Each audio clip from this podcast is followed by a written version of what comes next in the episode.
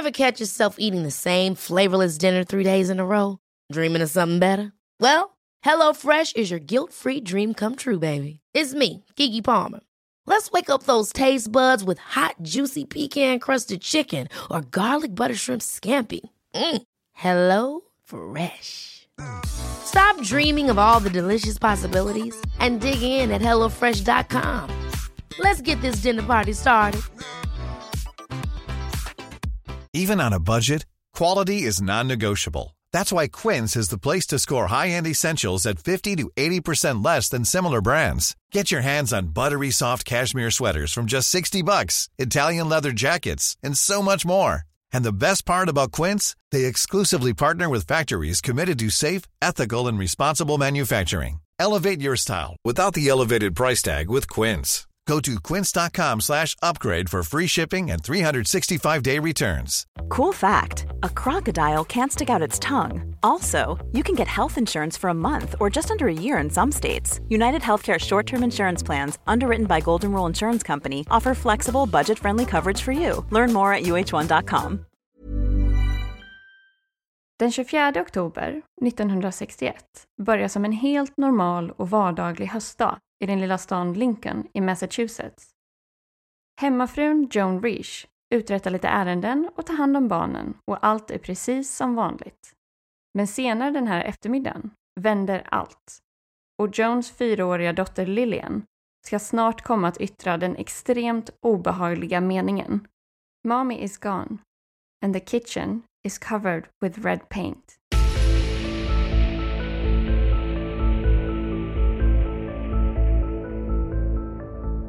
Hallå, hallå och varmt välkomna till ett nytt avsnitt av Rysapodden. Och jag har längtat efter det här. Idag kommer vi nämligen gå in på något som flera av er önskade när vi på vår Instagram frågade om vad ni vill höra mer om. Mysterier. Mer exakt, oförklarliga försvinnanden. Och vi blev så glada av att det var så många av er som skrev till oss. Både förslag på avsnitt men också andra DM vi har fått och bilder som ni har skickat till oss. Så det är så kul och det uppskattas verkligen ska ni veta. Och en annan väldigt kul nyhet är ju faktiskt att vi nu har startat upp en alldeles egen hemsida för Rysapodden nu. Och den är ju såklart fortfarande lite work in progress, men ni får hemskt gärna kolla in den och då går ni i så fall in på rysarpodden.se. Och innan vi nu går in på dagens avsnitt så har vi fått frågan från flera av er kring vilka vi är. Så vi tänkte bara kort berätta om det först. Och det är ju superkul att ni är nyfikna på oss. Så att det vi kan säga är att vi är två systrar. Och jag, Mikaela, är 31 år och bor i Örebro tillsammans med min sambo. Jag är socionom och jobbar inom socialt arbete till vardags. Och jag, Annie, är 29 år gammal och är alltså den yngre av oss. Och jag bor i Stockholm tillsammans med min sambo och jag jobbar inom marknadsföring. Och det faktumet att vi nu bor och har bott runt i en hel del olika städer tidigare gör ju också att vi faktiskt har lite olika dialekter, även om vi är syskon och båda två ursprungligen kommer från Småland. Ja, och det här med att vi båda jobbar heltid är ju också anledningen till att våra avsnitt inte kommer ut så ofta som vi skulle önska i en perfekt värld. Men självklart har vi ett mål om att kunna släppa avsnitt oftare. Men tills det är möjligt och vi har listat ut hur så hoppas vi att ni står ut med lite väntan mellan avsnitten. Och om ni har några andra frågor eller funderingar så är det bara att ni hör av er till oss såklart. Men nu vill jag faktiskt prata om ämnet för det här avsnittet, nämligen oförklarliga försvinnanden. För fall som är olösta skapar ju som vi har sagt innan både en spänning men också en enorm frustration i att man inte vet vad som faktiskt har hänt. Och jag vet att när jag har researchat mitt fall så har jag tyckt att det varit sjukt spännande och intressant men jag har också haft känslan av att jag vill bara veta vad som faktiskt hände här. Och alltså, jag drömde till och med om mitt fall i natt och då känns det ändå som att det är ganska illa. Mm, jag vet. Jag har ältat mitt fall så mycket och jag har blivit extremt övertygad om en sak för att sen grotta ner mig och tro en annan. Men ska vi inte ta och köra igång med ditt fall då, Annie? Ja, men det tycker jag absolut. Och ni har ju faktiskt redan fått lite inblick kring mitt fall här precis i början av avsnittet. För jag ska ju då prata om försvinnandet av Joan Reach. Och det här fallet har varit fortsatt olöst och förbryllat och förvirrat människor i närmare 58 år nu. Och i flera artiklar och av media så har Joan Reach ofta kallats för “the ultimate gone girl”. Och hon försvann ju egentligen inte spårlöst, men det som gör att fallet blir i princip omöjligt att lösa är att saker och ting helt enkelt inte går ihop, varken i teorin eller i praktiken. Och det finns så extremt mycket att gå igenom och ta upp med det här fallet och vi har ingen tid att spilla här, så nu tycker jag att vi kör igång.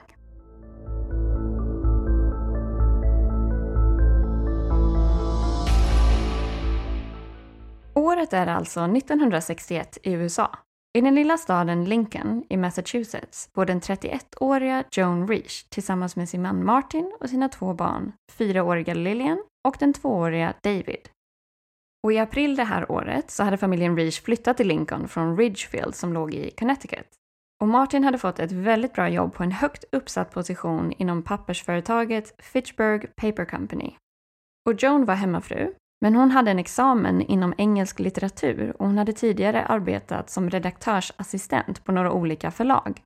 Och det var i samband med hennes arbete på ett förlag som hon träffade Martin och senare gav hon upp sin karriär och jobbet för att kunna stanna hemma och ta hand om deras barn.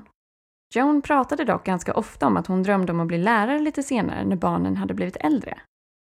Och i det här fallet kring eh, Joan Rich så tar i princip varenda källa upp informationen om att hon ska ha haft en väldigt hemsk barndom hennes föräldrar dog nämligen i en mystisk brand när hon var liten och hon fick då bo på ett fosterhem. Och därefter ska hon ha blivit sexuellt utnyttjad av sin fosterpappa. Och allt det här är ju minst sagt fruktansvärt, men jag har faktiskt valt att inte gå in allt för mycket på det här ämnet eftersom jag inte riktigt känner att det finns kanske en tydlig koppling mellan den här informationen och hennes senare försvinnande. Men givetvis kan man ju alltid argumentera för att en traumatisk barndom kan få en människa att agera på minst sagt udda och oförklarliga sätt senare i livet. Men nu har ni koll på den här biten i alla fall. Så om vi nu tar och hoppar tillbaka till år 1961 och familjen Reach hem i Lincoln. Tidigt på morgonen, den 24 oktober, åkte Martin iväg på en jobbresa till New York och Joan var ensam kvar med barnen. Men det var absolut ingenting konstigt med det här och det vardagliga livet rullade på. Förmiddagen var precis som alla andra och Joan lämnade över David till grannen Barbara Barker som skulle passa honom medan Joan åkte iväg till tandläkaren och hon hade då Lillian med sig. Efter det här uträttade Joan några fler ärenden och begav sig sedan hem igen runt lunchtid. Efter att Joan hade hämtat upp David så var hon och de två barnen hemma igen och de åt lite lunch och kort därefter så bäddade Joan ner David för en tupplur i hans barnkammare. Och efter det här så kom grannen Barbara Barker över igen och lämnade då sin fyraåriga son Douglas hemma hos Joan för att han skulle få leka med den jämnåriga Lillian. Lite senare, strax innan klockan två, gick Joan över gatan till Barbaras hus med Lillian och Douglas och lämnade barnen vid en gungställning i trädgården och sa att hon skulle komma tillbaka snart. Och det här är kanske det första konstiga som hände den här dagen. För enligt vad jag kan hitta så ska Joan nämligen inte riktigt ha informerat Barbara om att hon lämnade barnen i trädgården. Vilket man som förälder troligtvis skulle göra för att se till att Barbara kunde hålla lite koll på barnen när de lekte utomhus. Men i alla fall. Ungefär 20 minuter efter det här så kikar Barbara ut genom sitt köksfönster och ser då rakt över gatan till familjen Reach hus. Och hon ser då Joan springa längs garageuppfarten och Joan ska då ha haft på sig en trenchcoat, alltså en lite större, tunnare kappa. Och hon hade armarna utsträckta åt sidan. Och enligt Barbara såg Joan ut att bära på någonting rött. På grund av att det var massa träd i vägen så var inte Barbaras vy helt optimal och det var därför ganska svårt för henne att se exakt vad Joan bar på eller vad hon potentiellt jagade efter på uppfarten. Och i senare intervjuer och samtal så har Barbara uppgett att hon i den här stunden antog att eh, Joan sprang runt och jagade efter sonen David och att han kanske hade på sig en röd jacka eller röda kläder vid det här tillfället. Och det här tycktes inte vara något speciellt alls för Barbara. Men just den här stunden skulle senare visa sig ha otroligt stor betydelse. För det här skulle nämligen bli det allra sista bekräftade ögonblicket som någon skulle se Joan innan hennes försvinnande.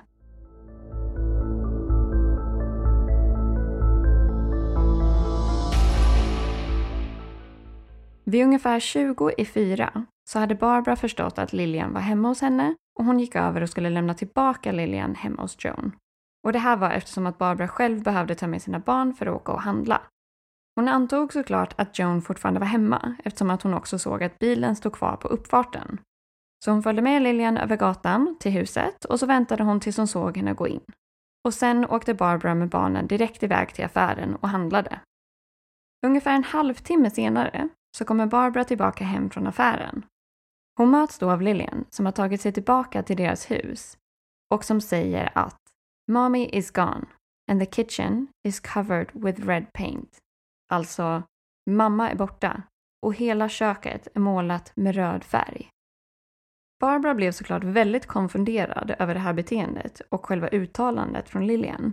Hon begav sig direkt över till grannhuset för att kolla vad det var som hade hänt och vad Lilian kan ha menat med det här.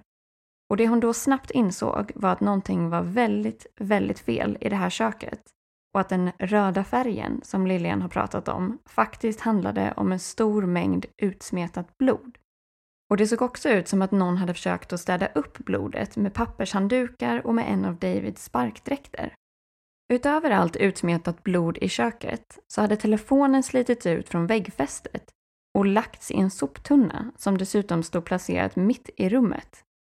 Och det här kändes som en väldigt udda detalj eftersom att den här soptunnan normalt alltid brukade stå under diskhon och därför kändes det nu som att den medvetet hade blivit placerad mitt i rummet.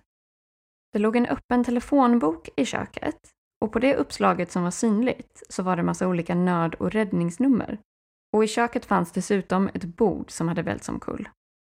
Efter att Barbara hade sett den här synen i köket så skyndade hon sig upp till ovanvåningen för att kolla till David. Och som tur var låg han helt oskadd i sin spjälsäng, men han grät eftersom att hans blöja behövde bytas.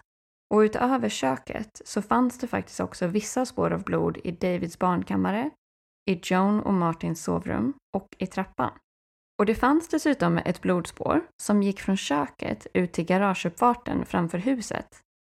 Och det här blodspåret tog slut vid Jones bil och det fanns också några bloddroppar på själva bilen, bland annat vid bagageluckan.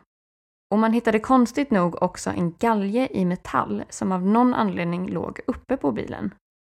Och Joan var spårlöst försvunnen och Barbara ringde då direkt till polisen som skyndade bort till huset för att kunna undersöka platsen. Och när de hade varit där ett tag så insåg de till sin förvåning att det inte fanns ett enda blodigt fotspår någonstans i huset. Och det här gjorde ju såklart att det blev väldigt svårt för polisen att dra några som helst slutsatser kring var i huset själva skadan och den här blödningen skulle ha kunnat börja någonstans. Och det här betyder ju också att om det hade funnits en gärningsman i huset så hade den här personen verkligen behövt vara väldigt noggrann eller haft en enorm tur. Det skulle senare visa sig att blodet som hittades i huset matchade Jones blodgrupp. När man däremot mätte upp mängden blod som hittades i huset så visade det sig att det faktiskt bara var ungefär en halv pint. Och det här är ju ett amerikanskt mått, men eh, lite grovt översatt så kan man säga att det är ungefär 250 milliliter. Och det här är faktiskt inte någon enorm mängd blod och en person skulle kunna förlora ungefär den här mängden vid ett ganska ytligt och icke livshotande sår eller jack på kroppen. Men det som är viktigt att komma ihåg är också att det ser ofta väldigt dramatiskt ut med blod, även om det egentligen kanske bara är en mindre mängd. Och det finns en del bilder från det här köket som vi kan dela med er senare för att ni ska förstå hur extremt skräckinjagande det måste ha sett ut när de kom in dit. Men i det här köket så hittade polisen också ett blodigt tumavtryck på väggfästet till telefonen, två andra fingeravtryck och en del av ett handavtryck på väggen. Eftersom Joan inte hade något brottsregister eller liknande så fanns ju inte hennes finger eller handavtryck registrerade någonstans. Och på grund av det här så kunde inte polisen utesluta att alla avtrycken kunde vara hennes egna. Ett tag efter det här däremot så lyckades faktiskt polisen med att få fram Jones fingeravtryck och de matchade då inte de blodiga fingeravtrycken från köket. Och någonting som gör mig helt galen i allt det här är faktumet att de här fingeravtrycken aldrig har lyckats bli identifierade eller kopplade till någon annan individ heller.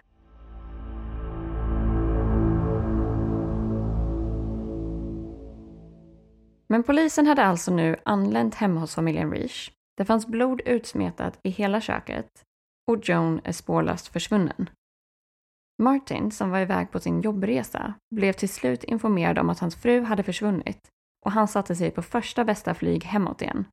Och i och med att Martin var i New York vid den här tidpunkten så fick han på en gång ett ganska vattentätt alibi för att kunna bevisa att han inte hade haft någonting att göra med Jones försvinnande.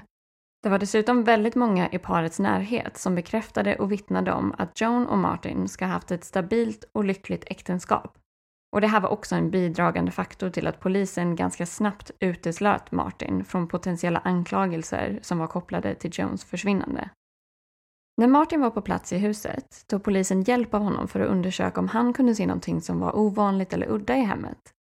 I den här soptunnan som vi var inne på i köket så låg det en tom spritflaska. Martin berättade då för polisen att han och Joan hade druckit upp det sista ur den här flaskan kvällen innan och sen hade de slängt den tomma flaskan i soptunnan. Det han däremot inte kunde förstå, eller hade någon speciellt bra förklaring till, var faktumet att det också låg några tomma ölflaskor i soptunnan. Och den senaste gången han mindes att någon drack öl i det här hemmet var när de hade haft gäster hemma helgen innan. Men att det var så pass länge sedan att de borde faktiskt inte ha legat kvar vid den här tidpunkten. Samma dag som Joan försvann så hade också tre olika externa personer besökt huset och då vittnat om att allt verkade helt normalt och i ordning den här dagen.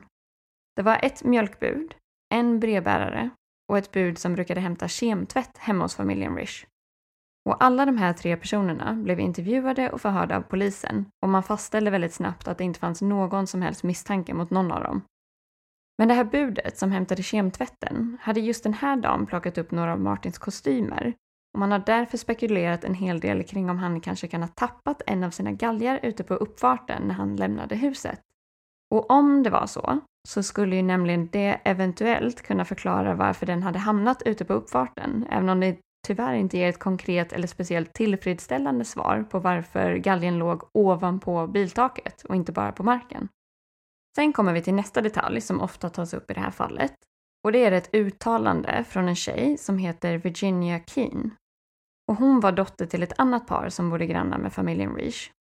Hon berättade nämligen för polisen att hon den här dagen, som John försvann, skulle ha kommit hem från skolan vid klockan 15.25.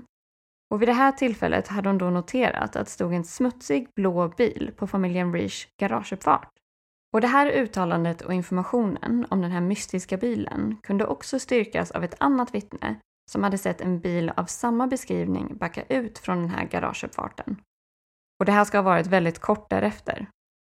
Polisen frågade då Martin Breach om han eller Joan kände till någon som ägde en blå bil av den här beskrivningen för att de eventuellt skulle kunna försöka spåra ägaren till bilen. Men dessvärre kändes det inte alls bekant för Martin och det här spåret kallnade därför ganska snabbt. Och det här var ju minst sagt frustrerande eftersom att en av polisernas första tankar var att Joan kanske hade blivit kidnappad eller tvingad in i en annan bil än sin egen. Och förslagsvis kunde det då ha varit den här mystiska blå bilen. Och den här tanken grundades ju väldigt mycket i att blodspåret som började i köket sen ledde utomhus, ända ut till garageuppfarten och sen att det fick ett ganska så abrupt slut. Alltså kanske Joan blödde av skador som uppstått vid någon potentiell attack i hemmet och att blodspåren tar slut när hon tvingas eller lyfts in i en bil. Men eftersom man inte lyckades identifiera bilen och dess ägare så är ju det här fortfarande inte någon konkret fakta eller bevis.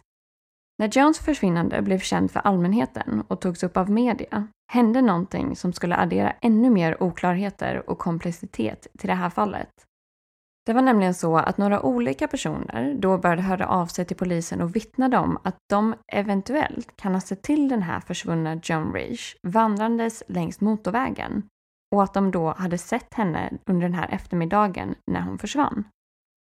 Och de här vittnesmålen kom alltså från personer som har kört bil och passerat den här kvinnan som ska ha matchat in otroligt väl på den officiella personbeskrivningen av Joan.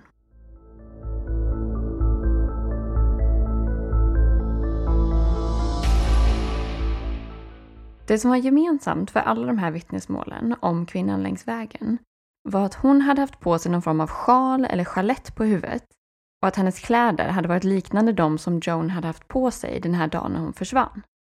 Enligt det första vittnesmålet ska den här personen ha sett en kvinna vid en väg som heter Route 2A vid ungefär kvart i tre på eftermiddagen. Och det här var ju ungefär en halvtimme efter att grannen Barbara Barker hade sett Joan genom sitt köksfönster när hon bar på någonting rött på garageuppfarten. Enligt övriga vittnesmål ska de här olika personerna istället ha sett en kvinna vid vägen Route 128 vid ungefär kvart över tre till halv fyra. och den allra sista personen ska ha sett den här kvinnan vid ungefär halv fem. Och alla de här vittnena beskrev att kvinnan uppvisade ett förvirrat och desorienterat beteende och att det såg ut som att hon var lite framåtböjd eller framåtlutad kanske och att hon höll sig för magen när hon gick längs vägen. Och en ytterligare sak i det här som var väldigt förvånande och oroväckande i deras beskrivningar var också att de nämnde att det såg ut som att det rann blod längs med benen på den här kvinnan. Om de här personerna nu talar sanning så är det ju oerhört förvånande och framförallt väldigt hemskt att så pass många bilister passerar med sina bilar men inte en enda person stannar och frågar om den här kvinnan behöver hjälp. Och på grund av det här faktumet att ingen stannade och pratade med den här kvinnan så vet ju ingen exakt vem det var, om det var Joan eller om det inte var Joan. Och framförallt också om den här stackars kvinnan hade klarat sig, oavsett vem det nu var. Polisen kontaktade alla närliggande sjukhus, men ingenstans hade man sett till en kvinna som matchade Jones beskrivning eller beskrivningen av den här kvinnan vid vägen. Men i och med det här spåret med den mystiska kvinnan längs vägen lanserades det nu en ny teori kring Jones försvinnande. Och det var nämligen att hon eventuellt kanske kunde ha blivit attackerad i hemmet och då fått någon form av huvudskada eller hjärnskakning som varit så pass allvarlig att hon då skulle ha drabbats av någon form av minnesförlust och förvirring och därför hade vandrat iväg. Och att han då någonstans mitt i allt det här hamnade på Route 2A och 128 där hon sen också har setts av alla de här vittnena. Sen finns det en helt annan spekulation som är totalt omvänd det här. Och det är att det kanske inte alls hade inträffat någon attack eller våldsam scen i hemmet, utan att Joan helt enkelt hade fått någon form av oförklarlig episod eller totalt psykbryt. Och då trashat köket och sen begett sig därifrån och hamnat borta vid motorvägen. Men det som verkligen talar emot det här är att Joan inte hade någon som helst historik kring mentala eller psykiska problem sedan tidigare. Men om vi hoppar tillbaks lite till den här vägen, Route 12A, det var nämligen så att vid den här tidpunkten så höll man för fullt på med att bygga och fixa till den här vägen. Så det fanns därför väldigt mycket byggnadsmaterial och stora gropar från olika utgrävningar där. Och om det nu var Joan som hade vandrat runt där i någon form av förvirrat tillstånd, kunde hon möjligtvis då ha ramlat ner av misstag i någon av de här groparna och därmed också blivit begravd av en stackars ovetande arbetare som skulle fylla igen gropen vid ett senare tillfälle.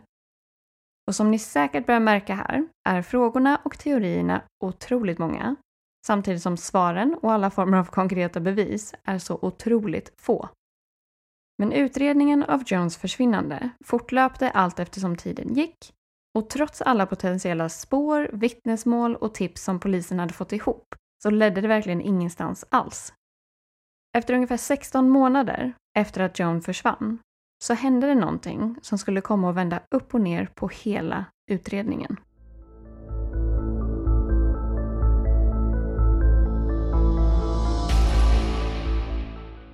Det som nu skulle komma att addera en helt ny synvinkel på Jones försvinnande var ett fynd som uppkom en dag när Serene Gerson, en reporter för den lokala tidningen i Lincoln, satt på biblioteket och läste en bok som handlade om det mystiska försvinnandet av Brigham Youngs 27 fru.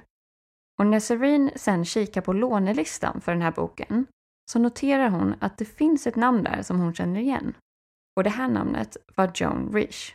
Och hon ska ha lånat den här boken den 16 september 1961. Och det här är alltså ungefär en månad innan Joan försvann, nämligen den 24 oktober. Serene började sedan undersöka andra böcker som hade lånats ut. Och där noterade hon att Jones namn också fanns med på en lånelista till en bok som hette Into Thin Air, som i princip betyder Ur tomma intet. Och den här boken handlar om en kvinna som försvinner helt spårlöst och det enda hon lämnar bakom sig var en handduk och en massa utsmetat blod. Serene tyckte att det här kändes väldigt konstigt och bestämde sig för att skriva om sina fynd i den lokala tidningen. Och när den här artikeln publicerades så började också bibliotekets anställda att bli ganska intresserade av hennes fynd och kollade därför igenom alla utlånade böcker den senaste tiden. Det de då upptäckte var att Joan hade lånat över 25 böcker från biblioteket under sommaren år 1961. Och det var inte superkonstigt i sig att en person lånade 25 böcker från biblioteket under en hel sommar på den här tiden. Det som däremot var otroligt konstigt och väldigt obehagligt var att samtliga böckerna handlade om mystiska, oförklarliga försvinnanden och mord. Och det ska också tilläggas här att vissa av de här böckerna handlade om frivilliga försvinnanden också. Och när man senare har förklarat det här för Martin tyckte han däremot inte alls att det var speciellt konstigt.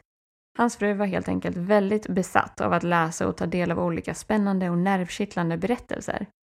Så han blev inte speciellt påverkad alls av den här informationen. Och egentligen kanske det känns rimligt på ett sätt också. Det fanns ju inga true crime-poddar på den här tiden om man säger så. Och eh, det fanns inget internet och inga sociala medier. Så om man tyckte att sånt här var intressant, ja, då fick man ju faktiskt gå och låna böcker på biblioteket för att kunna ta del av det här och för att kunna lära sig mer. Men trots att Martin inte tyckte att det var konstigt alls, så började många andra spekulera kring om Joan faktiskt kunde ha lånat alla de här böckerna för att läsa på och fantisera om att planera och utföra sitt eget mystiska försvinnande. Och det började spridas rykten om att Joan kanske hade blivit bitter kring faktumet att hon tvingades ge upp sin karriär för att istället stanna hemma och ta hand om barnen. Kanske kunde det varit så att hon ville bort från sitt nuvarande liv och starta ett helt nytt liv någon annanstans. Det här är ju som sagt mest rykten och spekulationer. Och det fanns otroligt många vänner och bekanta som vittnade om att John faktiskt var lyckligare än hon någonsin hade varit vid den här tidpunkten när hon försvann. Dessutom älskade hon verkligen sin man och det kändes väldigt osannolikt att hon skulle ha valt att bara lämna sina barn eftersom hon älskade dem så otroligt mycket. När den här nya synvinkeln för Johns försvinnande kom ut, alltså då att hon skulle ha försvunnit på eget bevåg, fick det såklart väldigt mycket uppmärksamhet i media. Men allt eftersom att tiden gick så dog det här ut mer och mer. Och speciellt blev det lite så med tanke på att man aldrig fick fram några konkreta bevis som skulle kunna påvisa att Joan fortfarande levde och faktiskt hade valt att försvinna för att starta ett helt nytt liv någon annanstans.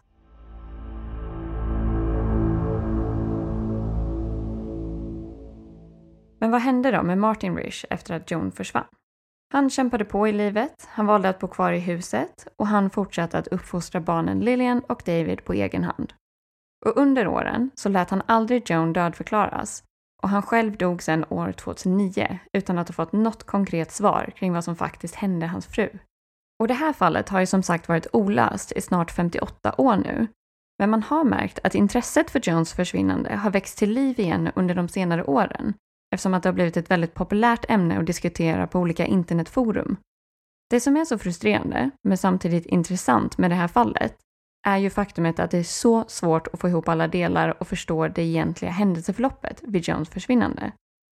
Det känns liksom lite som att försöka lägga ett pussel, men att det alltid, vad man än gör, finns en liten, liten pusselbit som inte passar in och som därför gör att det inte riktigt går ihop, hur mycket man än försöker.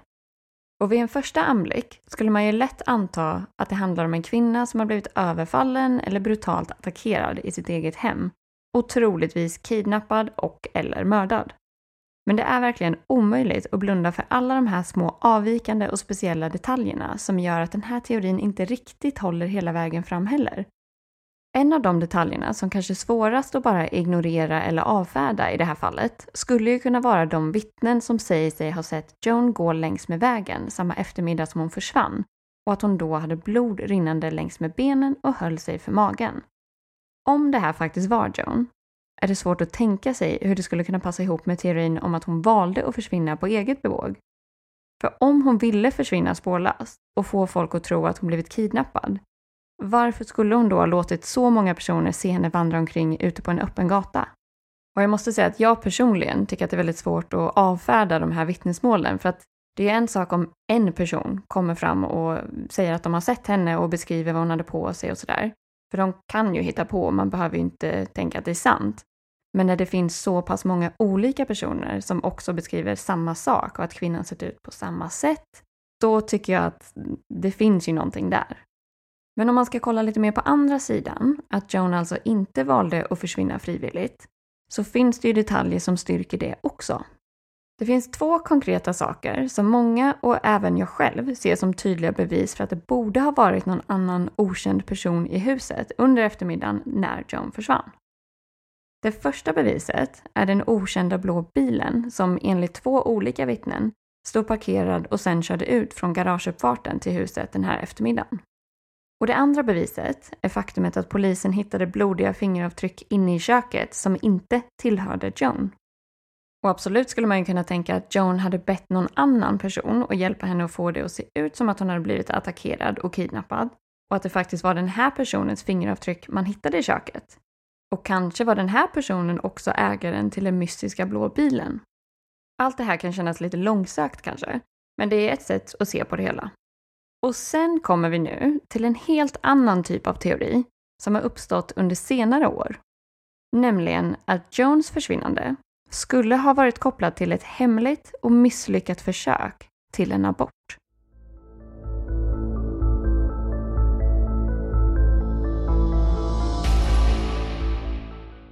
På den här tiden var aborter olagliga och extremt tabubelagda. Och därför har det funnits en hel del funderingar om att Joan kanske hade blivit gravid med ett tredje barn men absolut inte ville behålla det och då valt att göra en olaglig och hemlig abort som sen gick snett och fick extrema konsekvenser.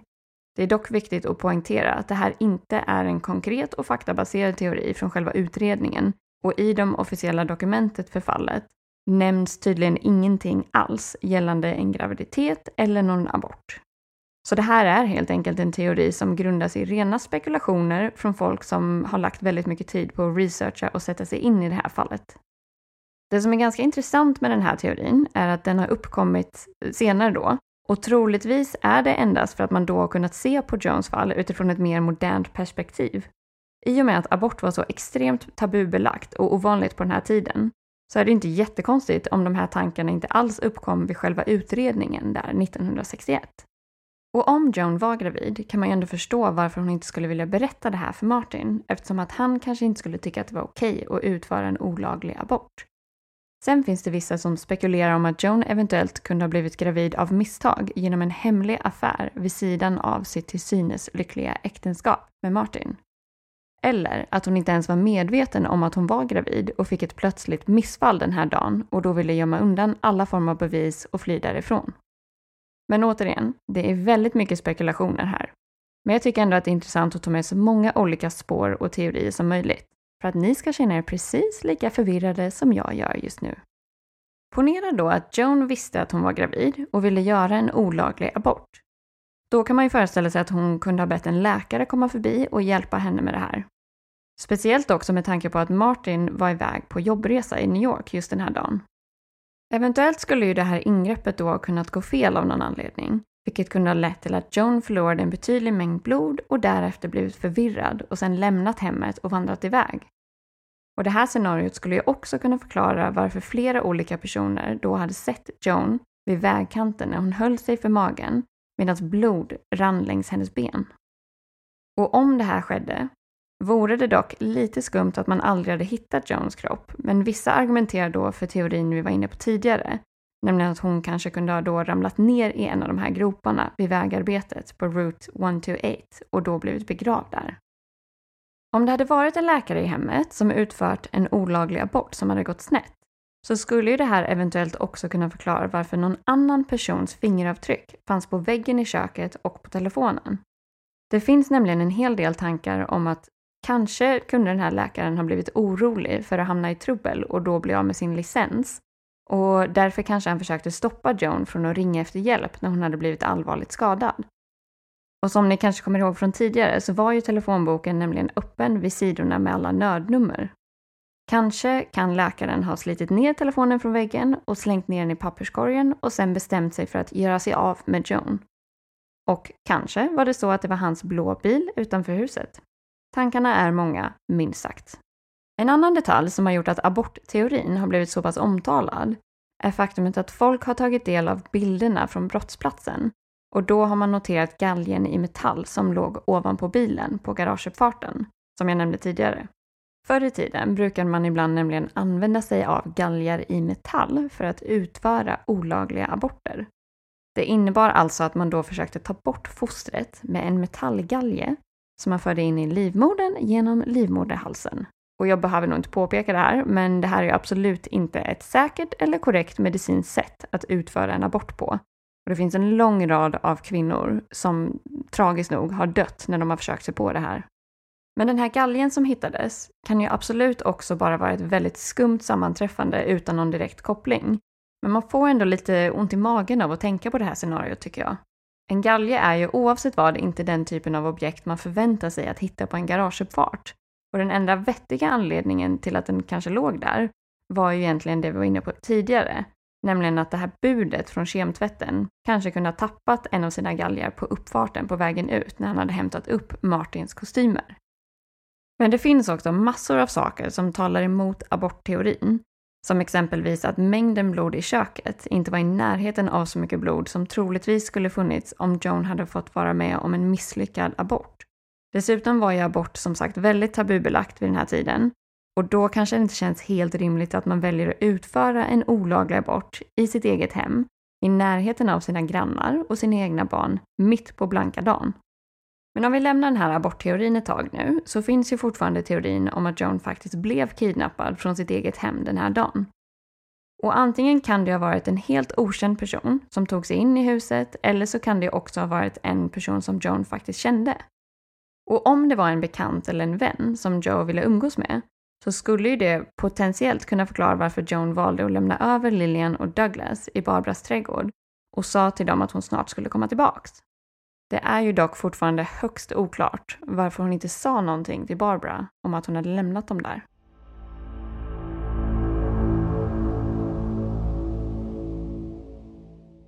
Och sen har vi en annan teori som grundar sig i en utredning av en grupp som heter New Englands Untold Stories. Och i deras rapporter framgår det en viss misstanke mot grannen Barbaras man, William Barker, och att han av någon anledning ska ha brutit sig in hos familjen Rish och dödat Joan. Det är dock väldigt oklart vad motivet skulle ha varit och ännu mer oklart vad den här anklagelsen egentligen grundar sig i eftersom det inte riktigt följs upp och förklaras vidare i den där rapporten. Så det finns faktiskt inte så jättemycket mer att säga om den här teorin. Men ändå värt att nämna, tänkte jag. Och sen tänkte jag slänga in en sista liten teori här som jag har hittat. Och det är att Joan kanske skulle ha kunnat ha en hemlig affär med någon och att de passar på att boka in att ses just den här eftermiddagen eftersom att Martin då var bortrest. Och det här scenariot skulle kunna förklara varför Joan lämnade barnen en stund hos Barbara också. Och det skulle dessutom kunna förklara varför det låg tomma ölflaskor i soptunnan i köket som jag nämnde tidigare. Kanske var det så att de hade tagit några öl ihop när de träffades. Och enligt den här teorin skulle Joan kanske ha försökt avsluta den här relationen då och personen tog det inte alls bra och det hela slutade i någon form av våldsamt bråk och att personen sen körde iväg med Joan och gjorde sig av med henne på en annan plats och sen lyckades gömma kroppen så pass väl att den aldrig hittades. Men okej, okay. som ni märker så finns det hur mycket information som helst om det här fallet och som ni också kanske har gissat baserat på namnet på det här avsnittet så har jag tyvärr inga svar alls att ge er gällande vad som faktiskt hände den här dagen, den 24 oktober år 1961. Vi vet inte hur och varför Joan försvann den här dagen och jag tvekar faktiskt på att vi någonsin kommer att få veta det. Och det här är minst sagt ett oförklarligt försvinnande och man kan verkligen förstå varför Joan Rish har fått smeknamnet The Ultimate Gone Girl. Spontant så känner jag att om du eller jag försvinner Annie och någon kikar på vår internethistorik eller vad vi har kollat eller lyssnat på de senaste dagarna så är det kört för oss. Vi kommer precis som Joan och misstänkas ha försvunnit av egen fri vilja. Tänker att jag ändå väljer att neka till det här redan nu. Just in case. Japp, samma här.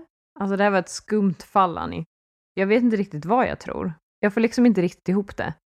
Om hon nu försvann av fri vilja så tror jag att hon åtminstone hade planerat att träffa vem den här andra personen än var. För att annars hade hon inte gått och lämnat bort barnen till grannen. Och jag tror dessutom att det inte var någon hon kände sig hotad av eftersom David fick vara kvar i huset under den här tiden. Resten blir bara spekulationer. Kan man inte bara gräva upp de här groparna i vägen och ge oss svaren vi behöver? Ja, men jag vet. Och om jag själv ska försöka att gissa vad som hände så tror jag i alla fall att någon var inne i huset med Joan och att någon form av konflikt uppstod där inne och att Joan på ett eller annat sätt blev kidnappad eller tagen av någon. Och jag tycker verkligen att den här blå bilen är väldigt skum och jag känner att den måste ha någon form av koppling till allt det här. Och så fort jag har sagt det här nu så ångrar jag mig typ och så vill jag ändra spår helt och eh, man blir verkligen helt förstörd av det här fallet och att försöka förstå vad det var som hände. Ja, jag vet precis vad du menar. Exakt så känner jag med mitt case också. För så fort man väljer en teori så hittar man tio argument mot sin teori. Men någonting har ju hänt, så någonstans stämmer ju någonting. Jag fattar inte att det har kunnat gå så pass lång tid och att man fortfarande inte vet vad som har hänt. Ja, och det är verkligen helt sjukt. Och det här eh, fallet är faktiskt rent tekniskt fortfarande ett öppet case. Så polis och myndigheter i USA uppmanar fortfarande folk att dela information som skulle kunna vara av värde för att kunna lösa det här fallet. Och ehm, jag säger bara fingers crossed för att vi någon gång får veta vad som faktiskt hände Joan. Ja, jag håller med. Och detsamma kan ju faktiskt sägas för mitt fall.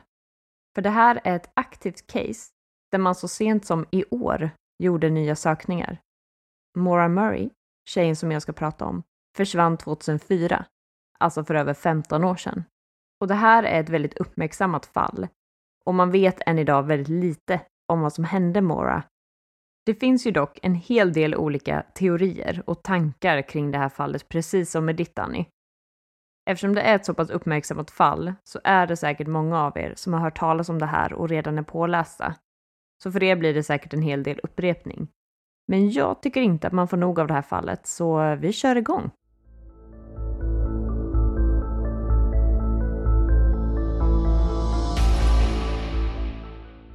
I februari 2004 var Maura Murray 21 år gammal och gick på universitetet i Massachusetts.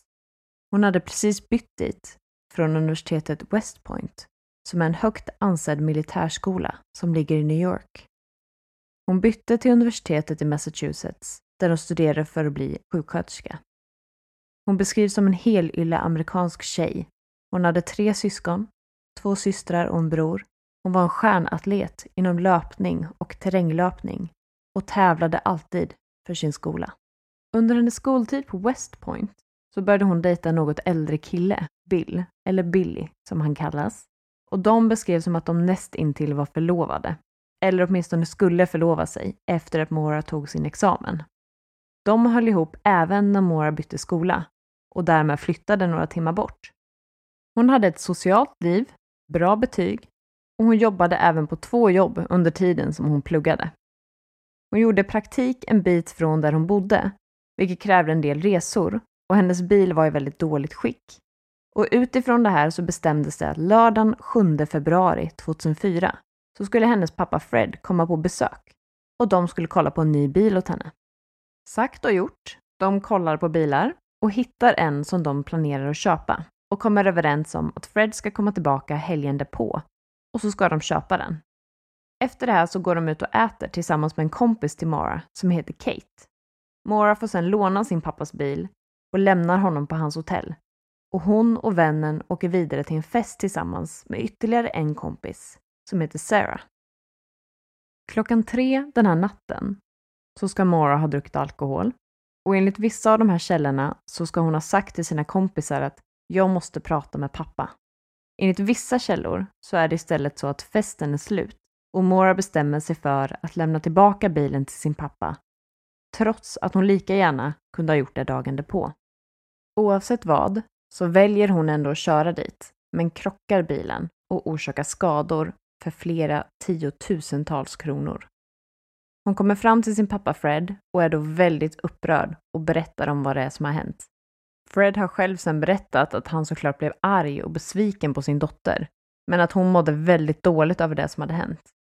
Man vet också att Mora ringde till sin pojkvän Billy klockan 04.49 på morgonen och att han svarade trots att det var så tidigt. De pratar en stund och han försöker lugna ner henne och lovar att ringa henne nästa dag. På söndagsmorgonen så skjutsar Fred tillbaka Mara till sin studentlägenhet. Och även om han är arg så påtalar han att det kommer att lösa sig när han har talat med försäkringsbolaget. Mora är fortfarande upprörd när hon går in i lägenhetshuset där hon bor. Fred vet inte det då, men det är sista gången som han kommer att se sin dotter. Han pratar dock med henne en sista gång i telefon, några timmar senare. Samtalet handlar då om bilen Fred ber Mora att åka till polisstationen och hämta olycksfallsrapporter som hon kan fylla i, vilket han behöver för att anmäla det till sitt försäkringsbolag. Efter det här samtalet så vet man väldigt lite om vad Mora faktiskt gjorde den där dagen, söndagen den 8 februari 2004.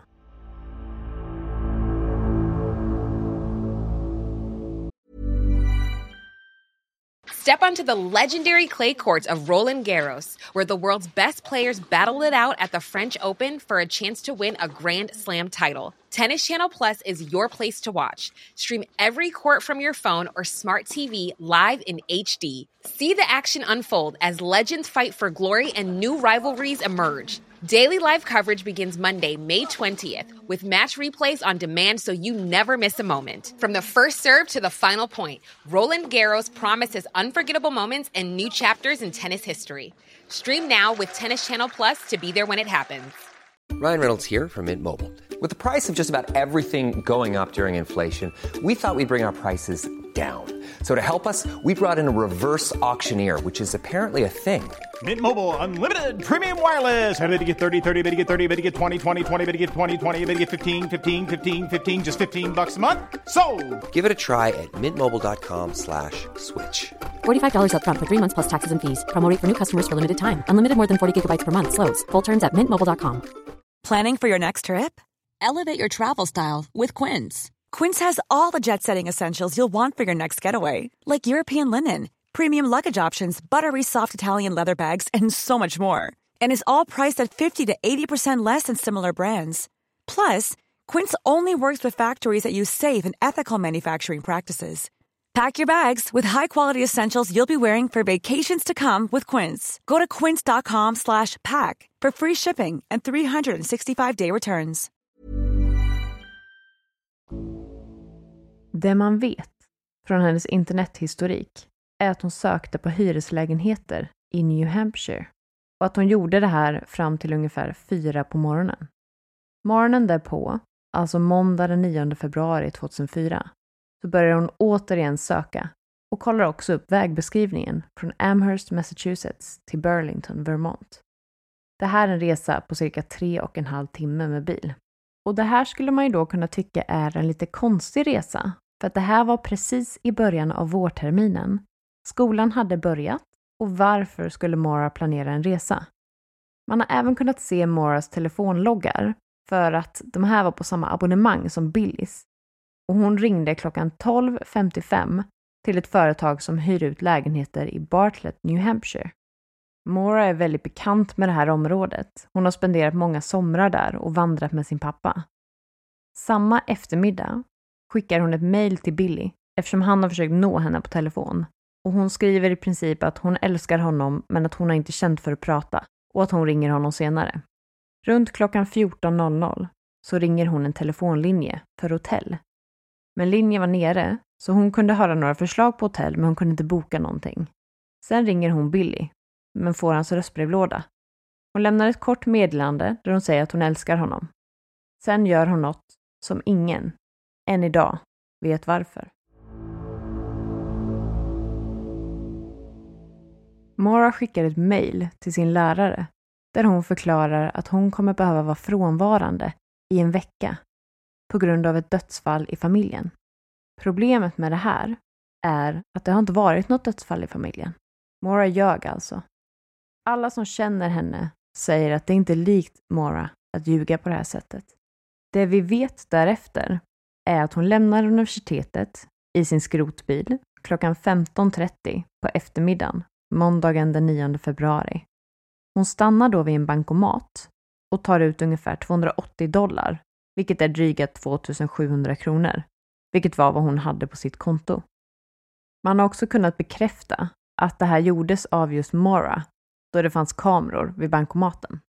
Efter det här så åkte Mara till en spritbutik och köpte enligt vissa källor en flaska Baileys, en flaska Kahlua, en vodka och en box med vin. Man ska veta att hon köpte det här på grund av ett kvitto som man sedan hittade i hennes bil. Det här är en ganska stor mängd alkohol för en person och kanske var det så att hon skulle möta upp någon eller att det var någon med henne. Dock syns ingen annan till, varken vid bankomaten eller vid spritbutiken. Mora börjar sedan att köra norrut och det vi vet därefter, det är att hon kollar av sin röstbrevlåda runt 16.37 och det är det sista samtalet från hennes telefon.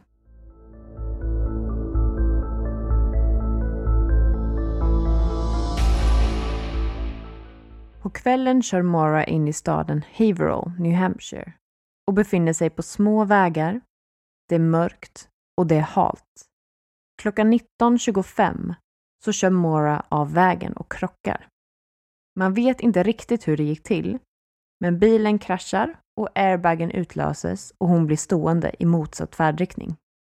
Det här händer utanför ett hus som tillhör Faith Westman och hon ringer polisen två minuter senare, alltså 1927, och rapporterar en bilolycka.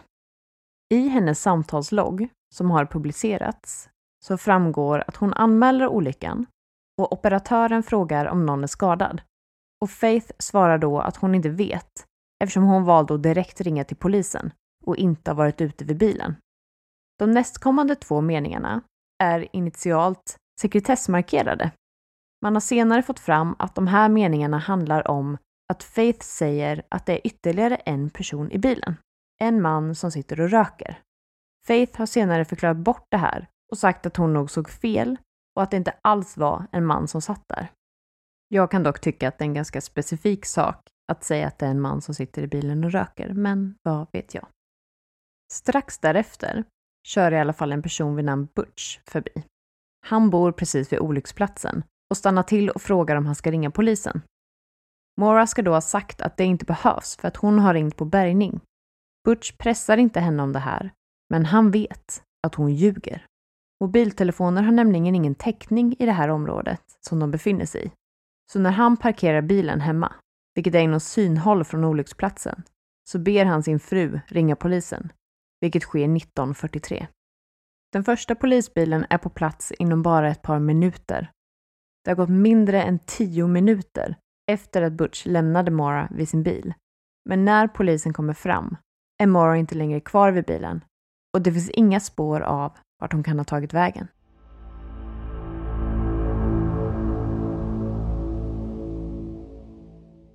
När polisen kommer till platsen så är bilen låst. I den så hittar de vinboxen som hon tidigare köpte och den har spillts ut i bilen. Det ska också ha funnits en kolaburk som luktade alkohol, vilket gör att det finns en misstanke om att Mora har kört onykter. Man hittar även, enligt vissa källor, ett paket med lugnande tabletter, varav ett flertal har tagits. Utifrån det här så misstänker polisen att föraren är en person som har lämnat platsen för att man inte vill åka dit för rattfylla och därför kommer återvända under morgondagen när man har nyktrat till igen. De kunde inte se några spår i snön som ledde bort från bilen som man kunde följa efter och de la inte jättemycket energi på att söka vidare den här kvällen. En konstig sak som man upptäcker vid genomgången av bilen är en trasa som har stoppats in i bilens avgasrör. Ingen vet riktigt varför den där trasan var där. Har någon stoppat in den där eller har Mara själv stoppat den där eller vad är grejen? Fred har senare berättat att eftersom bilen var i så dåligt skick så kom det ibland mycket rök från avgasröret. Och då har han ibland sagt till Mara att om hon måste åka med bilen så kan hon stoppa in en trasa i avgasröret så att inte polisen stoppar henne.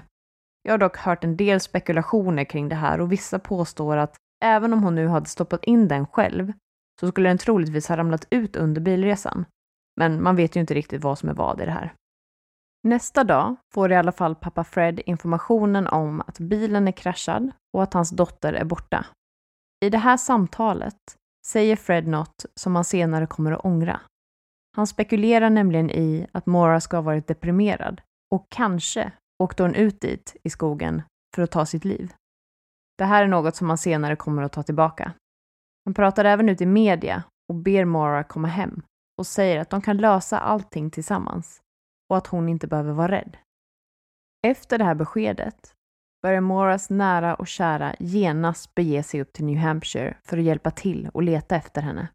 När hennes pojkvän Billy går igenom säkerhetskontrollen på flygplatsen så ser han efteråt att han har fått ett röstmeddelande. När han lyssnar på det så hör han bara ett konstigt gnyende eller snyftande. Många tror, inklusive Billy, att det var Mora som ringde. Man börjar sökandet efter Mora och man tar bland annat in sökhundar som följer Moras lukt från bilen och en bit fram på vägen, men sen försvinner den. Moras pappa Fred har varit tveksam till det här för att man valde att använda sig av en handske som Mora väldigt nyligen hade fått och Fred är därför tveksam till om hennes doft fanns på den. Men om man nu tror på att de här hundarna gjorde sitt jobb så kan ju det resultatet bara betyda en sak. Att Mora, oavsett orsak, har satt sig i en annan bil och åkt iväg. Det fanns inga fotspår som ledde bort från bilen ut i skogen. Första polismannen som kom till platsen kom från det håll som Mora var på väg och ingen har sett någon gå från platsen. Det har efter det här blivit lite av en dispyt mellan familjen och polisväsendet då familjen är väldigt tydlig med att Mora aldrig skulle hålla sig borta frivilligt och Moras pappa har varit väldigt starkt kritisk gentemot polisens arbete. Polisen har länge gått på teorin att hon körde full och sen har hon hållit sig borta av egen fri vilja, vilket hon som vuxen har all rätt att göra. Familjen är dock tydlig med att Mora hade ingen som helst anledning att rymma. Det här är dock inte helt sant. Det finns saker i Moras bakgrund som man inledningsvis inte vet.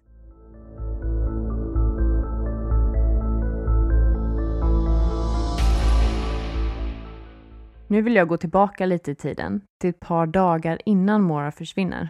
Närmare bestämt den 5 februari, då hon jobbar på ett av sina jobb på campus. Hennes arbetsuppgift är att kolla ID på folk som passerar in i byggnaden. Hennes chef går då förbi och hittar Mora i ett nästintill katatoniskt tillstånd. Hon sitter och stirrar rakt fram och kollar inte av folk som kommer in i byggnaden.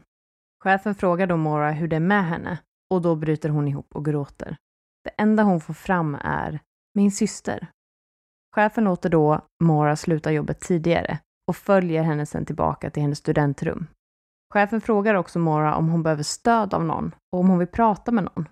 Mora säger då att det inte behövs, då hon kan prata med sin rumskompis. Det här är dock inte sant. Mora bor nämligen själv. Alltså vet vi nu att hon har ljugit ännu en gång. Man har sen kollat hennes telefonlogg och sett att hon hade pratat med sin syster den här dagen. Men enligt systern så ska det inte ha varit något särskilt med det här samtalet. Och det som gör det ännu konstigare, det är att hon efter samtalet med systern även pratade med Billy. Vilket gör att det känns mest sannolikt att det i sånt fall är samtalet med Billy som gör henne katatonisk. Så varför ljuger hon? Och om hon nu inte ljuger, vad menar hon? Hur kunde hon prata med Billy om samtalet med systern var det som gjorde henne orolig? Eller var det bara en lögn för att sluta jobbet tidigare? Och i sånt fall varför? Eller var det så att det var samtalet med systern som gjorde henne orolig och att hon ringde till Billy för att få tröst? Och sen hamnade i det här tillståndet som hon befann sig i när chefen hittade henne. Men om det nu var så, varför ljuger systern? En annan sak som kan vara bra att veta är att hennes relation med Billy, enligt flera källor, inte var så bra som man först trodde. De var båda otrogna mot varandra och Mora gjorde nämligen något annat konstigt innan hon lämnade sitt studentrum den där februaridagen. När man efter hennes försvinnande kollade igenom hennes studentrum så var väldigt mycket av hennes saker packade i kartonger. Vissa tolkar det här som att hon visste att hon inte skulle komma tillbaka. Vissa påstår att det var så eftersom det var början av terminen och hon helt enkelt inte har packat upp. Men oavsett så var saker packade i kartonger och på en av kartongerna så låg ett utskrivet mejl från hennes pojkvän Billy där han skriver att han har varit otrogen. Vissa har valt att spekulera i att det här var ett sätt för Mora att förmedla varför hon har valt att ge sig av, oavsett om det var för att rymma eller för att ta sitt liv. Jag vet inte, det var en konstig sak att lägga på en kartong, men jag vet inte hur mycket mer man vågar spåna i det riktigt. Vi vet också att en av de affärer som Mora hade var med sin löparcoach, Hussein. Och de var inte ett par när hon försvann, men han ska senare ha sagt i intervjuer att Mora aldrig pratade om sin pappa, vilket är konstigt eftersom de beskrivs som väldigt tajta, och att hon även ska ha pratat om relationen med Billy och beskrivit den som kontrollerande och våldsam. Sista gången Hussein såg Mara var i november 2003. Och Mara ska även ha sagt till Hussein att hon ville försvinna och starta ett nytt liv. En annan sak kring Mara som framkom senare, det var att hon gick ju som jag sa i början på militärskola innan hon bytte till Massachusetts. Men anledningen till det här bytet var inte så enkel som att hon ville studera till sjuksköterska. Det var nämligen så att en dag var hon och shoppade vid militärbasen Fort Knox med en kompis. Och hon försöker då stjäla smink. Hon blir påkommen och istället för att bli utkastad från skolan så väljer hon att byta och studera till sjuksköterska i Massachusetts istället. Hon ska ha sagt till en kompis om det här att hon inte ens visste varför hon gjorde det, eftersom hon hade pengarna. Kanske var det ett rop på hjälp. Tyvärr blev det inte bättre när hon bytte till universitetet i Massachusetts. Hon blev nämligen gripen för kreditkortsbedrägeri efter att hon har använt några andra studenters kreditkortsnummer och köpt pizza. Hon ska ha hittat deras bortkastade kvitton och från det lyckas beställa hem mat vid ett par tillfällen. Domaren ger henne en villkorlig dom och säger att om hon håller sig borta från trubbel i sex månader så kommer de ta bort domen från hennes belastningsregister. Det här var i november 2003, alltså tre månader innan Mora försvinner. Om vi nu tar och hoppar tillbaka till efter försvinnandet så får Billy hennes ägodelar som fanns i bilen. Mora ska ha packat för en lättare resa. Hon hade bland annat med sin bok som heter Not Without Peril som pratar om folk som har vandrat i The White Mountains i New Hampshire och antingen dog eller skadades. Vissa tolkar det här som att Mora ville skada sig själv och inspirerades av boken. Moras pappa Fred är dock tydlig med att det här är en av Moras favoritböcker och att det inte är ett dugg konstigt att hon har den. Utöver den här boken så hade Mora med sig träningskläder och skolböcker. Och jag vet inte hur ni tänker, men om jag skulle ut i skogen för att skada mig själv, då kan jag säga att skolböcker är det sista jag skulle ta med mig. Det går flera månader och man hittar ingenting i sökandet efter Mora. Efter ett tag börjar Moras familj att söka själva och de går igenom hennes samtalsloggar. De ringer då till ett av de här hyresföretagen som hon kontaktade precis innan hon försvann. Och man ser i samtalsloggen att ett samtal har förts. Personen som de pratar med är tydlig med att hon vill väldigt gärna hjälpa till, men att det har gått så pass lång tid nu så att hon minns inte det här samtalet. I en dokumentär som jag har sett så berättar den här personen, alltså en kvinna, att det gör henne frustrerad att polisen inte har kontaktat henne i ett tidigare skede. För att hon hade kanske kunnat ge dem någon form av indikation på vilket tillstånd Mora var i eller hur länge hon hade planerat att stanna. Det här är väl lite bägaren som rinner över för Fred och han börjar begära ut, eller försöka begära ut dokumenten som finns kring Mora för att kunna göra sin egen research. Men han blir nekad utifrån att det är en pågående utredning. Familjen får dock hjälp av en journalist som har lyckats hitta ett vittne som tror sig ha sett Mara på en bensinmack efter att hon ska ha försvunnit. Hon ska då ha varit tillsammans med en äldre man och hon ska ha sett väldigt upprörd ut. När vittnet och den här kvinnan då, som hon har sett, får ögonkontakt så ska kvinnan ha ordat orden ”Hjälp mig”. Vittnet hann dock inte agera på det här innan mannen och kvinnan var försvunna.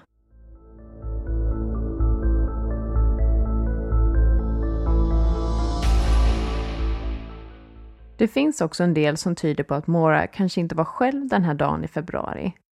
För det vi vet är ju att hon ser ut att vara själv på videosarna från bankomaten och spritbutiken. Men det finns vissa saker som talar emot det. En av de här är att när Mora letade boende så letade hon efter boenden med mer än ett sovrum. Det är även så att om man kollar Moras resväg så borde Mora ha kommit till olycksplatsen 35-40 minuter tidigare. En möjlig förklaring till det här är att hon hämtar upp någon. Den teorin skulle kunna stärkas av att det är ett nummer som försökte ringa Mora den eftermiddagen från en plats som heter Londonderry i New Hampshire. Det här samtalet lyckades dock inte komma fram, vilket gör att man kan tyvärr inte se vem det är som har ringt henne. Men kanske så var det så att Mora skulle hämta upp någon som skulle med henne på resan. Man vet än idag inte vem det var som ringde henne, och en annan förklaring finns hos ett annat vittne, en kassörska i en annan spritbutik, som påstår sig ha sett Mora tillsammans med två andra tjejer när de handlade alkohol en timme innan olyckan. Som jag sa i början så är ju det här fallet, det är så stort och det är så himla konstigt för att det finns så otroligt mycket som man inte vet. Utöver det här faktumet att hon är försvunnen och att man inte vet vad det som har hänt med henne så har vi också mysteriet med vad sjutton gjorde hon där uppe från första början? Vad höll Mora på med de här dagarna innan sitt försvinnande? Varför ljög hon om dödsfallet i familjen och varför var hon katatonisk och sa min syster på arbetet? Det är så himla mycket som vi inte vet. I sådana här fall, där man vet ganska lite egentligen, så uppkommer det ju en hel del teorier. Och jag tänkte att jag kommer gå in på några, men som jag sa tidigare så är det här ett väldigt stort fall. Och det finns massor av mer att grotta ner sig i om man nu skulle vilja. Men jag tänkte bara avsluta med att liksom försöka samla ihop mig lite i vad vi faktiskt står i. För det som jag har kunnat hitta är att det finns fem så kallade huvudteorier. Och den första är att hon rymde och startade ett nytt liv. Och det finns ju saker som skulle kunna tyda på en rymning, som att hon tog ut sina pengar. Det finns ju också ett hot om att hon kanske blir dömd eftersom hon nu under sin villkorliga dom har krockat sin pappas bil. Det kanske är ett motiv att rymma, men frågan är, skulle hon verkligen hålla sig borta under hela den här tiden? Den andra teorin är att hon tog sitt liv. Och man ska ju enligt vissa källor ha hittat lugnande tabletter i bilen och det här tillsammans med alkohol kan ju vara ett sätt att överdosera. Vi har ju också den här boken som hon hade med sig, som bland annat handlade om personer som har dött i de här bergen som hon åker upp mot. Hon tar sig ju dessutom till en lugn, bekant och stilla plats. Och vi har ju också det här faktumet att Freds första instinkt, när polisen kontaktar honom och berättar att hans dotter är försvunnen, är att hon kan ha varit deprimerad över allt som har hänt med bilen och då kan ha åkt upp dit för att ta sitt liv. Det som talar emot den här teorin är ju bland annat att Fred har förklarat att han ångrar att han sa det. Det var en första reaktion och ingenting som han tror är sant. Han säger att Mora aldrig skulle göra något sånt. Och det är ju också så att om hon nu tog sitt liv, varför har man inte hittat en kropp? Vi vet också att Mora gjorde planer för framtiden. Hon hade planer för spring break. Hon hade också skickat ett mail till sina kompisar om en konsert som hon ville gå på, som skulle äga rum några dagar efter att hon försvinner. Hon hade ju även skickat in sina läxor och hon hade tagit med sig skolböcker som man hittade i bilen. Gör man det om man ska ta sitt liv? Den tredje teorin är att hon dog i en poliskonspiration. Och det här tycker jag är lite långsökt. Och jag har inte hittat något fog för att det skulle vara så.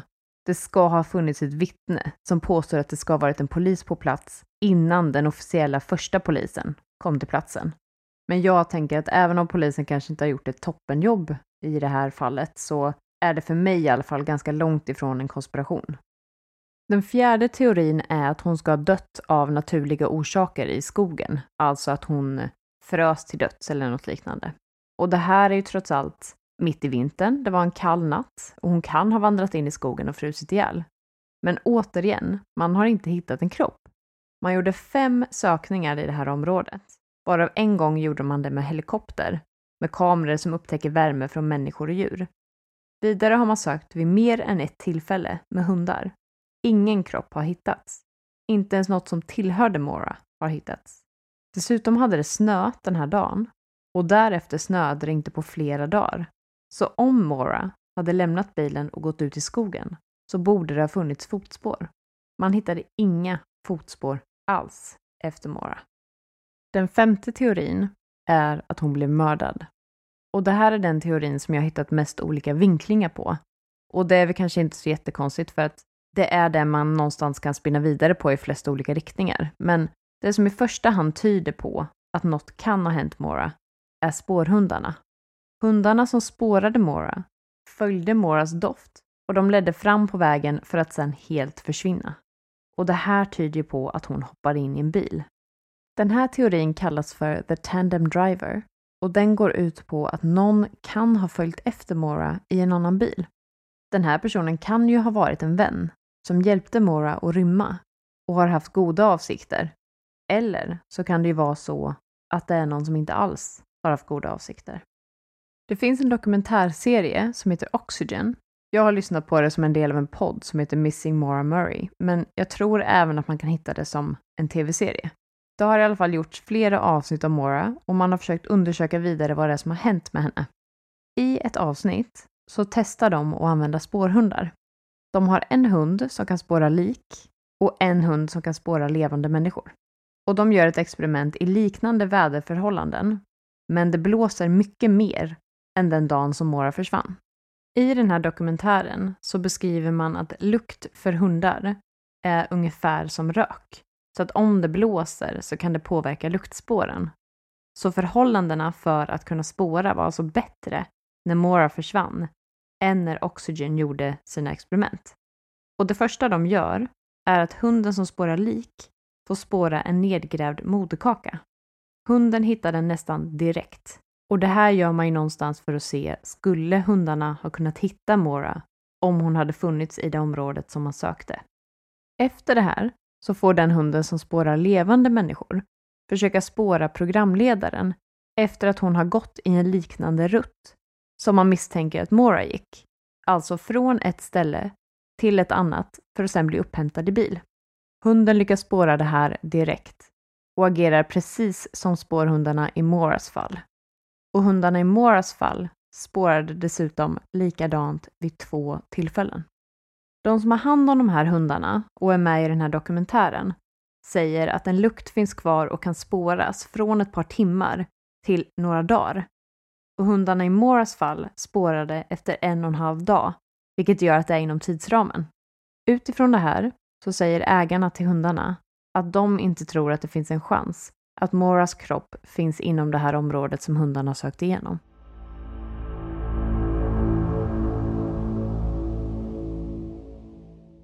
Det finns även ett annat rykte om att tre unga killar som jobbade på en närliggande skidanläggning kan ha plockat upp Mora och att något ska ha hänt som har lett till att hon dog. De här tre killarna kom inte till jobbet dagen efter, men de har inte blivit misstänkta för någonting. En annan teori är två bröder som bodde i området och den här teorin kallas för The A-frame House. Och det beror på att huset som de bodde i var av en sån modell som kallas för A-frame hus. En av bröderna kontaktade Moras pappa, Fred, och sa att han hade hittat en blodig kniv och att han trodde att hans bror kanske ska ha mördat Mora i deras gemensamma hus. Fred bad polisen att ta emot kniven, vilket de först vägrade, men till slut gjorde. Och man har inte hört någonting om vad resultatet var från den kniven. De fick senare även möjlighet, när det kom nya ägare till det här huset, att åka dit med hundar.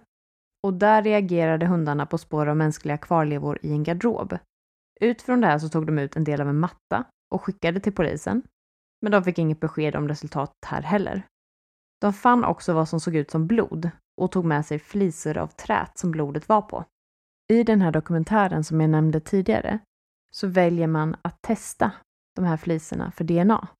Och det första man gör är att testa om det finns blod på flisorna, vilket det visar sig att det gör och att det är ytterst lite. Det de sen gör är att skicka in det till ett labb för DNA-analys. Det DNA-analysen visar är att det finns spår från två människor. Det ena är en man och det andra är svårt att tolka. Så vad man gör är att man jämför det här med DNA som finns på Mora. Men utifrån att det här trät, eller de här flisorna, är så pass gamla och nedbrutna så går det tyvärr inte att se om det är Moras DNA. Den sista teorin jag tänkte ta upp inom huvudkategorin att Mora ska ha blivit mördad, det är att hon har blivit mördad av en seriemördare. Och det fanns en seriemördare vid namn Israel Keys som har kommit upp som ett namn i det här. Men man har aldrig kunnat koppla honom till Mora. Det finns även andra försvinnanden som påminner om Moras.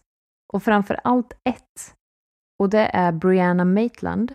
Och hon försvann endast fem veckor efter Mora. Och det här var ungefär 14-15 mil därifrån.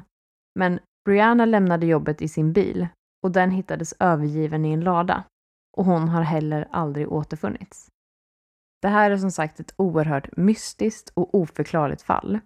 Och än idag, 15 år senare, så pågår sökningarna och drivande i det här är ju Moras familj, framförallt hennes pappa Fred.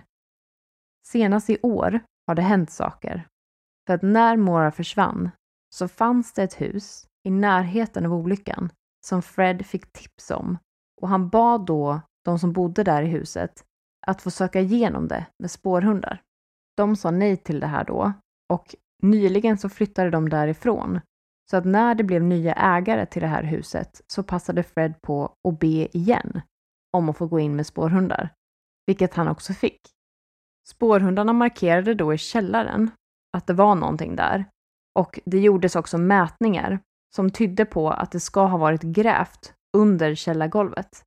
Polisen valde att med tillstånd från ägarna gräva upp det här golvet. Och Fred hade väldigt höga förhoppningar om det här och han trodde att han äntligen skulle få hem sin dotter och ge henne en begravning. Tyvärr fann man inga mänskliga kvarlever. Och Freds sökande är tillbaka på ruta ett.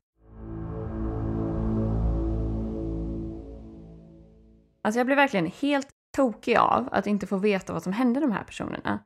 Och man kan ju lätt konstatera att ditt fall är minst lika oförklarligt och komplext som mitt är. Och vi brukar ju diskutera med varandra vilka fall och ämnen som vi tänker ta upp och berätta för er som lyssnar och för varandra. Och jag kommer verkligen ihåg när du först nämnde det här fallet. Och då berättade du kanske typ sex snabba meningar och redan där var jag helt fast och ville veta mer. Ja, och det blir ju lite som ett beroende. Man börjar nysta och för varje ny info så får man bara fler frågetecken.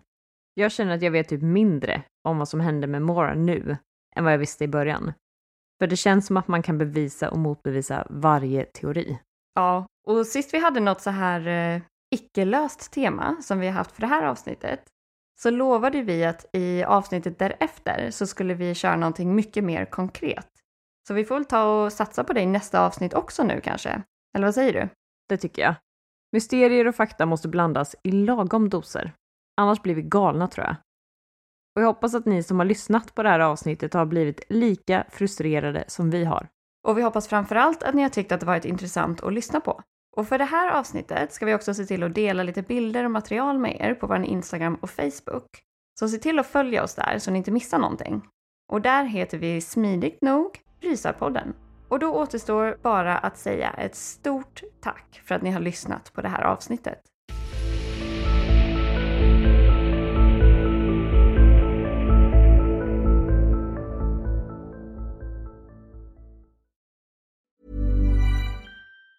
Hi, I'm Daniel, founder of Pretty Litter. Did you know cats tend to hide symptoms of sickness and pain? I learned this the hard way after losing my cat, Gingy. So I created Pretty Litter, a health monitoring litter that helps detect early signs of illness by changing colors, saving you money and potentially your cat's life. Pretty Litter is veterinarian developed, and it's the easiest way to keep tabs on your fur baby's health right at home. Go to prettylitter.com and use code ACAST for 20% off your first order and a free cat toy. Terms and conditions apply. See site for details. Ever catch yourself eating the same flavorless dinner three days in a row? Dreaming of something better? Well, HelloFresh is your guilt free dream come true, baby. It's me, Gigi Palmer. Let's wake up those taste buds with hot, juicy pecan crusted chicken or garlic butter shrimp scampi. Mm. Hello Fresh. Stop dreaming of all the delicious possibilities and dig in at HelloFresh.com. Let's get this dinner party started. Hey, it's Paige DeSorbo from Giggly Squad. High quality fashion without the price tag? Say hello to Quince. I'm snagging high end essentials like cozy cashmere sweaters, sleek leather jackets, fine jewelry, and so much more. With Quince being 50 to 80% less than similar brands. And they partner with factories that prioritize safe, ethical, and responsible manufacturing. I love that. Luxury quality within reach. Go to quince.com slash style to get free shipping and 365 day returns on your next order. Quince.com slash style.